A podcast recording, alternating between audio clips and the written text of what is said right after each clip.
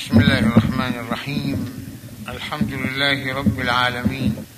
والصلاة والسلام على سيدنا محمد وعلى آله الطيبين وصحبه المنتجبين وجميع أنبياء الله المرسلين. فرح المخلفون بمقعدهم خلاف رسول الله وكرهوا أن يجاهدوا بأموالهم وأنفسهم في سبيل الله وقالوا لا تنفروا في الحر. قل نار جهنم أشد حرا لو كانوا يفقهون. فليضحكوا قليلا وليبكوا كثيرا جزاء بما كانوا يكسبون. لا تزال السورة سورة التوبة تتحدث عن ملامح مجتمع النفاق في المدينة وهي وثيقة حية تاريخية كأصدق ما يكون التاريخ للمجتمع الإسلامي الذي كان يعيش مع النبي صلى الله عليه وآله والذي كان يشتمل على عناصر قلقة من أكثر العناصر ازعاجا للإسلام وارباكا للمسيرة الإسلامية. وكان النفاق يختفي وراء عناوين كثيرة ولكن قد تأتي بعض المواقف التي تفضحه بشكل لا يستطيع فيه أن يتخفف أو أن يختفي وراء أي شيء. حدثنا الله سبحانه وتعالى فيما سبق من الآيات عن هؤلاء الذين جاءوا إلى النبي صلى الله عليه وآله يطلبون منه أن يأذن لهم في البقاء في المدينة فلا يخرجوا معه للمعركة التي كان يعد لها.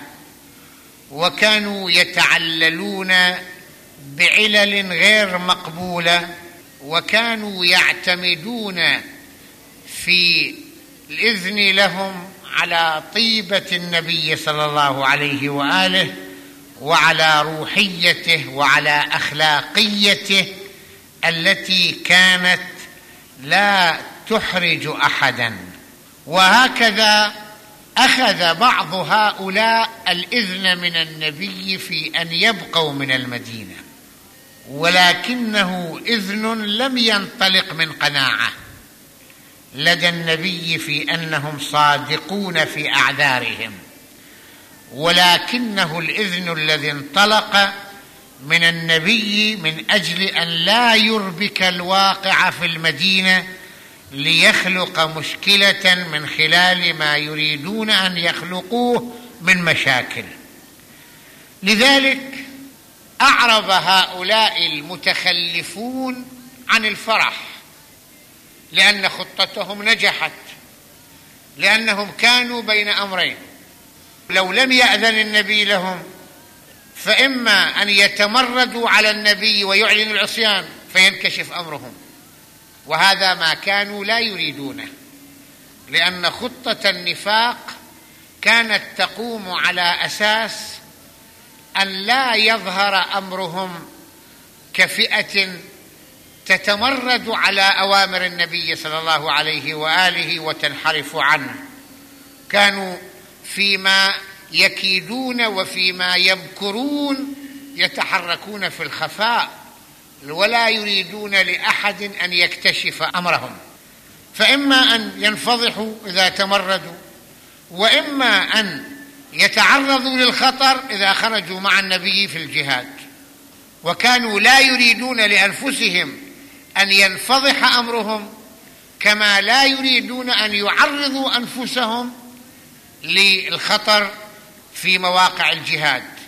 لذلك عندما حصلوا على الإذن من رسول الله صلى الله عليه وآله في أن يتخلفوا عنه وأن يبقوا في المدينة فرحوا لأن خطتهم في الانسحاب من المعركة من دون أن ينكشف نفاقهم قد نجحت في رأيهم. فرح المخلفون بمقعدهم خلاف رسول الله. يعني بقعودهم عن الخروج مع رسول الله بعد أن خرج. كلمة خلاف رسول الله إما أن يراد بها يعني بمقعدهم بعد أن خرج رسول الله صلى الله عليه وسلم. وفي هناك تفسير خلاف رسول الله يعني بعد مخالفتهم لدعوة رسول الله في الخروج بالعمق. وكرهوا أن يجاهدوا بأموالهم وأنفسهم في سبيل الله. فرحوا بقعودهم لأنهم شعروا بأنهم استطاعوا أن يجنبوا أنفسهم الخطر في الوقت الذي لم ينكشف فيه أمرهم بمخالفتهم للنبي. لأنهم كانوا يكرهون الجهاد بأموالهم وأنفسهم. باعتبار ذكر الأموال وذكر الأنفس على أساس أن المجاهدين كانوا يصرفون على أنفسهم مالا عندما يخرجون لأن النبي كان لا يتكفل بنفقات الجهاد كما يحدث الآن بالنسبة إلى الدولة أنها تتكفل بنفقات الحرب. كان كل مقاتل هو يدبر سيفه هو يدبر راحلته هو يدبر كل نفقته في هذا المجال. فكانوا لا يريدون أن يصرفوا مالا ولا يريدون أن يجاهدوا بأنفسهم ليعرضوا أنفسهم للخطر. ولذا شعروا في النجاة وكرهوا أن يجاهدوا بأموالهم وأنفسهم في سبيل الله وقالوا لا تنفروا في الحرب قالوا لبعضهم إن النبي صلى الله عليه وآله قد تحرك نحو هذه المعركة وهي معركة تبوك في الصيف والصيف شديد الحر في تلك المناطق. فقالوا لبعضهم البعض لا تنفروا في الحر لأن قسوة الحر يمكن أن تنالنا بتعب وبجهد وبألم عظيم. وقالوا لا تنفروا في الحر ولكن الله يرد عليهم أن هناك حر الدنيا وأن هناك حر الآخرة وأن من يتحمل حر الدنيا في سبيل الواجب ويعاني آلام حر الدنيا في سبيل الله فإنه سيتفادى حر الآخرة وهو حر نار جهنم. أما الذي يريد أن يتخفف من حر الدنيا ويبتعد عنه انطلاقا من حبه للراحة فيترك ما أوجبه الله عليه من جهاد وما حمله الله من مسؤوليات فإنه إذا استراح من حر الدنيا وقتا ما فإنه سيتعرض إلى حر الآخرة. وعندما يقارن بين حر الدنيا وحر الآخرة فإن حر الآخرة أشد وأقسى لأنه حر تذوب فيه الجلود وحر لا يموت فيه الإنسان ولا يحيا. وقالوا لا تنفروا في الحر لا تخرجوا إلى الجهاد في فصل الصيف فقالوا لا تنفروا في الحر. قل نار جهنم أشد حرا. لو كانوا يفقهون يعني لو كانوا يفهمون ويدخلون في المقارنة بين حر الدنيا وبين حر الآخرة. وهذا ما يريد الله سبحانه وتعالى لنا أن نستوحيه في كل المجالات التي تمثل مسؤولياتنا في الحياة. فهناك الكثيرون منا عندما يدعون إلى العمل وإلى الواجب في ظروف صعبة ويتعللون بصعوبة الظروف فإن الله سبحانه وتعالى يريد من هؤلاء الناس أن يقارنوا دائما بين الظروف الصعبة في الدنيا والظروف الصعبة في الآخرة. وأن على الإنسان أن يختار من أراد الراحة في الدنيا وابتعد عن مسؤولياته انطلاقا من حبه للراحة فإن عليه أن ينتظر تعب الآخرة وتعب الآخرة لا يطاق. ومن تحمل متاعب الدنيا فإنه سينطلق ليحصل على راحة الآخرة. وهذا ما ينبغي للإنسان أن يفكر فيه إن تعب الدنيا محدود وإن تعب الآخرة خالد. وعلى الإنسان أن يضحي بالراحة الطارئة وليحصل على الراحة الخالدة. وقالوا لا تنفروا في الحر. قل نار جهنم أشد حرا. لو كانوا يفقهون. كلمة لو كانوا يفقهون يعني أن على الإنسان في الحياة أن يستخدم فهمه يفقهون يعني لو كانوا يفهمون لو كانوا يوازنون الأمور لو كانوا يعقلون الأمور إن على الإنسان دائما أن يستخدم فهمه للوصول إلى النتائج التي تنقذه من المصير المحتوم الأسود. ولذلك إن فهمنا المنطلق من عقلنا والمنطلق من إحساسنا. هذا الفهم هو حجة من الله سبحانه وتعالى وقد يكون بعضنا يملك الفهم ولكنه بمثابة من لا يملكه لأن الإنسان الذي لا يستخدم عقله في الخير ويجمده هذا بدون عقل. ولذا قيل إن العلم بلا عمل كالشجر بلا ثمر. يعني قيمته قيمة الشجر الذي لا ثمر فيه لأن الله أراد للإنسان عندما يعلم أن يعمل وعندما أعطى الإنسان الفهم أراد منه أن يستخدم فهمه فيما ينقذ نفسه وفيما يحقق له السعادة في الدنيا والآخرة. فليضحكوا قليلا. فرح المخلفون بمقعدهم خلاف رسول الله. وبدأوا يضحكون ويحتفلون بنجاح خطتهم. فها هم قد استطاعوا أن يستغلوا أخلاق رسول الله وطيبته فأذن لهم فلم ينكشف أمرهم ولم يتعرضوا للخطر. ولكن ما قيمة هذه الضحكات؟ اضحك يوما اضحك شهرا اضحك سنة. ليست المسألة مسألة أن تضحك في البدايات ولكن المسألة أن تضحك في نهايات الأمور. ما هي نتائج ضحكتك؟ ولذا بعضهم يقول الذي يضحك هو الذي يضحك أخيرا. الإنسان يعني لا بد له أن يعمل إذا أراد أن يحس بالفرح فعليه أن لا ينطلق من الفرح الطارئ.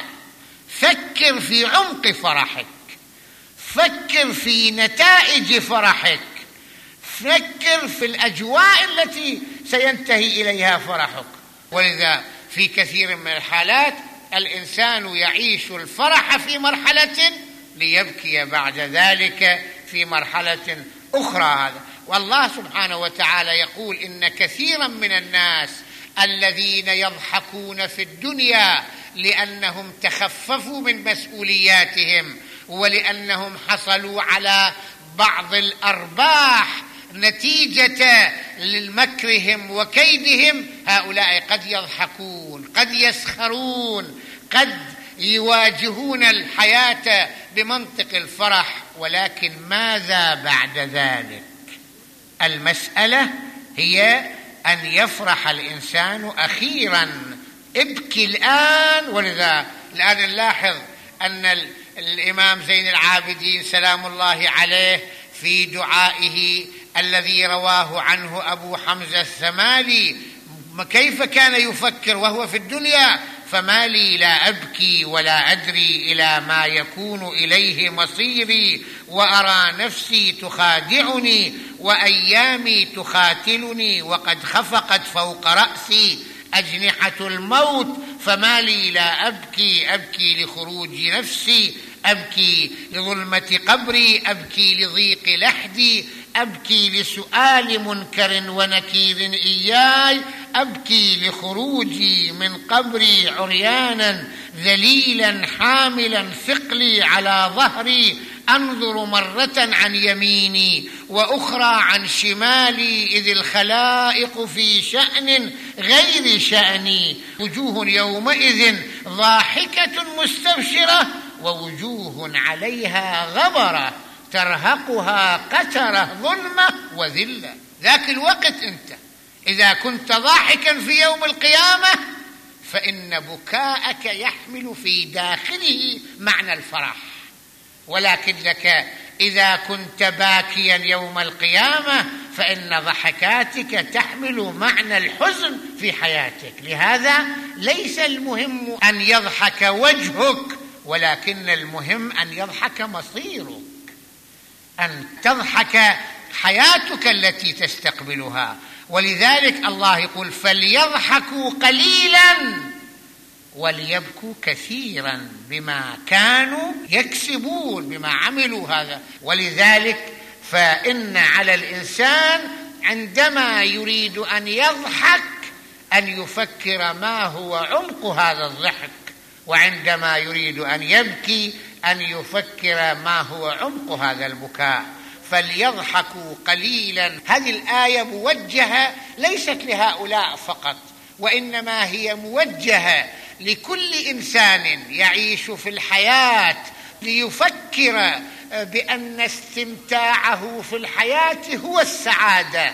وإن كانت المسألة مسألة لحظات ويهتم بذلك الله يقول لهذا الإنسان اضحك قليلا. اضحك فالله أعطاك فرصة الضحك ولكنك سوف تستبدل كل هذه الضحكات سوف تستبدلها ببكاء شديد عميق. فإن رجعك الله الله يقول للنبي أنه هالجماعه لازم تكشف أمرهم في المستقبل؟ فإن رجعك الله إلى طائفة منهم يعني إذا عدت من معركتك وفتحت أمامك معركة جديدة. وجاءوا إليك يحاولون أن يظهروا إخلاصهم للإسلام.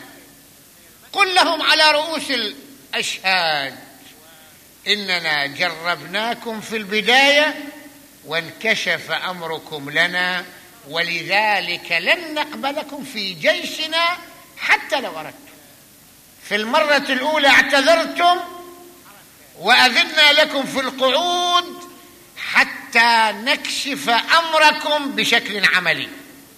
أما في هذه المرة لو جئتمونا وبذلتم مالا لكي تدخلوا معنا أو تقاتلوا أعداءنا فإن باب الجهاد قد أغلق عنكم لأن المجاهدين هم الذين يعيشون الجهاد في أنفسهم قبل أن يعيشوه بأيديهم وبحياتهم. فإن رجعك الله إلى طائفة منهم إلى جماعة منهم في جولة أخرى فاستأذنوك للخروج. هالمره استأذنوك للقعود؟ مرة ثانية إذا قالوا لك يا رسول الله بدنا نطلع معك وبدنا نجاهد معك حتى يحاولوا أن يخففوا من تأثير قعودهم وعلامات الاستفهام التي كانت تجول في أذهان المسلمين بالنسبة كيف قعد هؤلاء وهم قادرون. مرة ثانية ربما هؤلاء الجماعة قد يأتوا حتى يظهروا أمام المسلمين أنهم مخلصون للإسلام والله يعلم أنهم ليسوا مخلصين للإسلام. إذا جاءوك لا تأذن لهم في الخروج. معك. فإن رجعك الله إلى طائفة منهم فاستأذنوك للخروج فقل لن تخرجوا معي أبدا ولن تقاتلوا معي عدوا.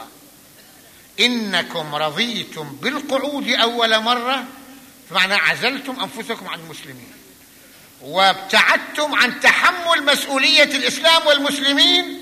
ولذلك فقد حكمنا عليكم أنكم في الجانب المعادي للمسلمين والجانب الذي لا يتحمل مسؤوليته ولذا فقد فصلناكم عن المسلمين من الناحية العملية. ولن تقاتلوا معي عدوا إنكم رضيتم بالقعود أول مرة فاقعدوا مع الخالفين مع الذين يجلسون ويبقون ممن كانوا معذورين في خروجهم. ولا تصلي هون شو الموقف الحاسم يعني هاي العقوبة في الدنيا الكشف. أنه التجربة الأولى حتى يبين لهم النبي صلى الله عليه وآله فيما أوحى به الله إليه حتى يبين لهم النبي صلى الله عليه وآله وسلم أنه ترى إحنا ما انخدعنا فيكم؟ إحنا أعطيناكم فرصة وأنتم ما استفدتوا الفرصة الأولى وحاولنا على أنه إحنا نظهر أمركم بشكل تدريجي.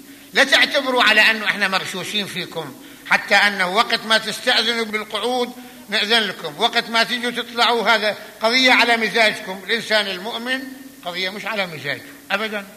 وما كان لمؤمن ولا مؤمنة إذا قضى الله ورسوله أمرا إذا أجى الواجب أن يكون لهم الخير من أمرهم. يعني مسألة الجهاد ليست تابعة لمزاج الإنسان المؤمن عندما يجب الجهاد عليه وإنما هي تابعة إلى ولي الأمر ورسول الله كان هو ولي الأمر. أما أنها تكون تابعة للمزاج وقت ما تريدوا تقعدوا يا رسول الله إذن لي في القعود وقت ما تخرجوا إذن لا. إحنا نعتبر على أن استئذانكم بالقعود وامتناعكم عن الخروج وكراهتكم للخروج للجهاد هذا يدلل على وضع معين وعلى ذهنية معينة ولذا فإحنا راح نواجهكم بهالذهنية فنحاول أن نفصلكم عن واقع المجتمع الإسلامي حتى تعرفوا أنكم لا تستطيعون أن تخادعوا الله ورسوله. ولا تصلي على أحد منهم آت أبدا لأن هذا تكريم له لأنهم وين أظهروا الإيمان ولكنهم أبطنوا الكفر. ولا تصلي على أحد منهم مات أبدا. ولا تقم على قبره لتؤبنه ولتترحم عليه ولتقرأ له الفاتحة. لماذا؟ إنهم كفروا بالله ورسوله. وماتوا وهم فاسقون. لم يموتوا على الإيمان. وإذا لم يموتوا على الإيمان فعليك أن لا ترتب عليهم آثار الإيمان. ولا تعجبك أموالهم وأولادهم. هب هؤلاء من الأغنياء الذين يملكون المال الكثير ويملكون الأولاد الكثر ولكن ما قيمة ما يملكون من المال وما قيمة ما يملكون من الأولاد إن مسألة المال والأولاد هي نعمة من الله عليهم ليست شيئا يعيشونه في أنفسهم. الإيمان هو الأساس العلم هو الأساس. والله عندما أعطاهم هذا المال وأعطاهم هؤلاء الأولاد الله أعطاهم ليملي لهم حتى يقعوا في التجربة الصعبة حتى يعذبهم الله بها في الدنيا والآخرة. يعذبهم الله بها في الدنيا فيشغلهم بها ويتحملون الآلام ويعذبهم الله في الآخرة لأنهم لم يقوموا بشكرها ولم يحركوها فيما يريده الله. فلا تعجبك أموالهم وأولادهم. إنما يريد الله أن يعذبهم بها في الدنيا وتزهق أنفسهم وهم كافرون. يعني بحيث الإنسان الذي غالبا عنده أموال وعنده أولاد صح بناء الفقير أنه هؤلاء مرتاحين ولكن هؤلاء يتقطعون قطعة قطعه في الصراع الذي يعيشونه فيما يعانونه من مشاكل الأموال. الآن إحنا نلاحظ هناك كثير من الناس ممن لا يشعر بأي راحة حتى أن يجلس مع أولاده ومع عياله الآن لو اطلعنا على كثير من أصحاب الأموال آه، لوجدنا أنهم لا يعيشون حياتهم لأن الحياة التي تعيشها ليست في كم تكسب من الأموال. المال إنما تحتاجه للسعادة. فإذا كنت لا تملك وقتا تستطيع أن تجلس فيه مع أولادك ومع عيالك لا تملك ساعة تستطيع فيها أن ترتاح فيها لنفسك إنك إن ذلك يمثل حالة عذاب قد يسميه الناس سعادة. بعض الناس ربما يقول كيف واحد عنده مال وعنده أولاد والله بيقول يعذبهم الله بها في الدنيا؟ كيف الله بيعذبهم الله؟ ما أحلها العذاب. الفقير المفلس يقول على أنه ما أحلها العذاب. لو الله بيعذبنا العذاب نعمها العذاب. ولكن الإنسان بإنسانيته الإنسان بانفتاحه على الحياة. الآن ربما الإنسان صحيح قد يعاني بعض الفقر ولكن الراحة والسعادة التي يشعر فيها ربما يشعر. الآن في عندنا أنا بعرف بعض الناس يملك ملايين ولكن هذا الإنسان الله حرمه الولد. صرف المال الكثير في الدنيا بحيث راح في أي عواصم الدنيا وكل مراكز الطب وما استطاع هذا. هذا مستعد يعطي أمواله كلها في سبيل يحصل على ولد؟ في بعض الفقراء بعض الناس فقراء عنده عشر أولاد. مثلا. يمكن تعبان فيهم لكن سعيد فيهم. السعادة ليست شيئا ماديا. سعادة حالة روحية هذا. أنا لا أقول أنهم لا يعيشون مشاكل لكن أنا أقول لا نستغرق في مسألة أن المال كل شيء. لا مال مش كل شيء. بل ربما يعيش الإنسان الشقاء في المال بحيث أنه يصير يتمنى يكون لحظة من اللحظات اللي يعيشها الفقير في حياته. هذا شيء. لما ننفذ إلى حياة الناس الآخرين. الآن أنا أعرف بعض الناس. يملك المال الذي يستطيع. لكنه لا يستطيع أن يأكل ما يأكله الفقير. أنت الآن ربما فقير. لكن فقير صحتك معك. تقدر تأكل حلو تقدر تأكل كل شيء. لكن هذا مع سكري مع ضغط مع صار عنده فلوس صحيح. لكنه سكري وضغط وقرحة في المعدة وما إلى ذلك بحيث إذا يريد يأكل ما يستاهل يأكل وهذه حياة؟ مش حياة. صحيح عنده مال لكن مش حياة. أنا إنما أريد أن أركز حتى نفهم شو معنى الآية القرآنية. ولا تعجبك أموالهم وأولادهم إنما يريد الله أن يعذبهم بها في الدنيا وتزهق أنفسهم. بحيث أنه هيك نفسه تزهق. يعني كأنه يختنق بأمواله لأنه يختنق بالمشاكل التي يثيرها المال ويثيرها الأولاد. الآن في كثير من الناس مثلا عنده أولاد ولكن أولاد من أعق الأولاد. أولاد من أكثر الأولاد من أكثرهم فسادا من أكثرهم مشاكل. هو بينما فقير يمكن عنده أولاد ولكنه من أفضل ما يكون. هذا عنده أولاد وهذا عنده أولاد. لكن هذا يعيش السعادة بس يجي تعبان. اولاده لطيفين مؤمنين صالحين خيرين ناجحين في أعمالهم وفي حياتهم. يجي مهما كان عنده من تعب يرتاح. لكن صاحبنا هذا الغني المليونير يجي مثلا هذا ولد من أولاده مسوي له 20 مشكلة كن يروح هذا ذاك الولد فاسد هذا يبذل أمواله هذا بيعمل. ما يشعر بهذا. لهذا آه، عندما نريد أن نفهم الحياة ونريد أن نفهم نعمة الله علينا في الحياة علينا أن ننطلق من حقيقتين. الحقيقة الأولى وهي أنه ليست هناك سعادة مطلقة لأحد. بالدنيا كلها ما في حدا يعيش السعادة المطلقة. جرب شوفوا الآن كل الدنيا هيك لأنه الدنيا محدودة. الحدود تعطيك شيء وتأخذ منك شيء. أي حدود؟ أنا مرارا بمثل لكم مثل لما نكون إحنا بالبر. عندنا هواء كافي وعندنا شمس كافية. لكن شو؟ ما نقدر ننام بالأرض لأنه ما في أمان. الحر البرد ما أشبه ذلك. الاستقرار. عمرنا الأرض اللي عندنا. شوف قدنا لما عمرنا الأرض. فقدنا الهواء كمية الهواء صارت قليلة. فقدنا هذا الانفتاح الجو الواسع. سكر صار محدود حيطان وشبابيك وأبواب وما إلى ذلك. افقدنا النور الكثير أصبح نور محدود هذا. حصلنا صحيح على التخفف من الحر من البرد. آه، صار في عندنا أمن أكثر. مثلا نقدر نغلق أبوابنا عن لص عن وحش عن أي شيء.